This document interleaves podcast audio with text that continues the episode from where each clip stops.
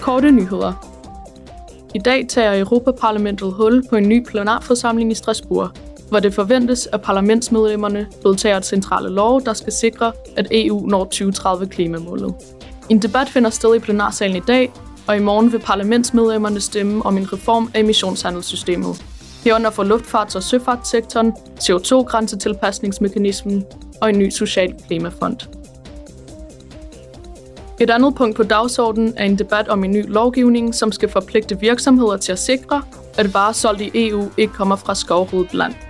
Den nye forordning bidrager til bekæmpelsen af klimaændringer og tab af biodiversitet ved at forhindre skovrydning i forbindelse med EU's forbrug af en lang række varer.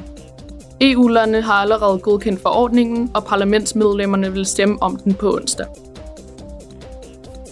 Parlamentet vil i morgen vedtage sin holdning til et direktiv, der skal forbedre varemærkningen på produkter til at holde længere og sætte en stopper for vildledende anprisninger.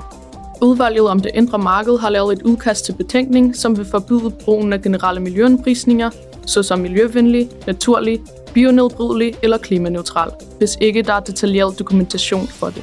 Parlamentet ønsker at forenkle produktinformationen.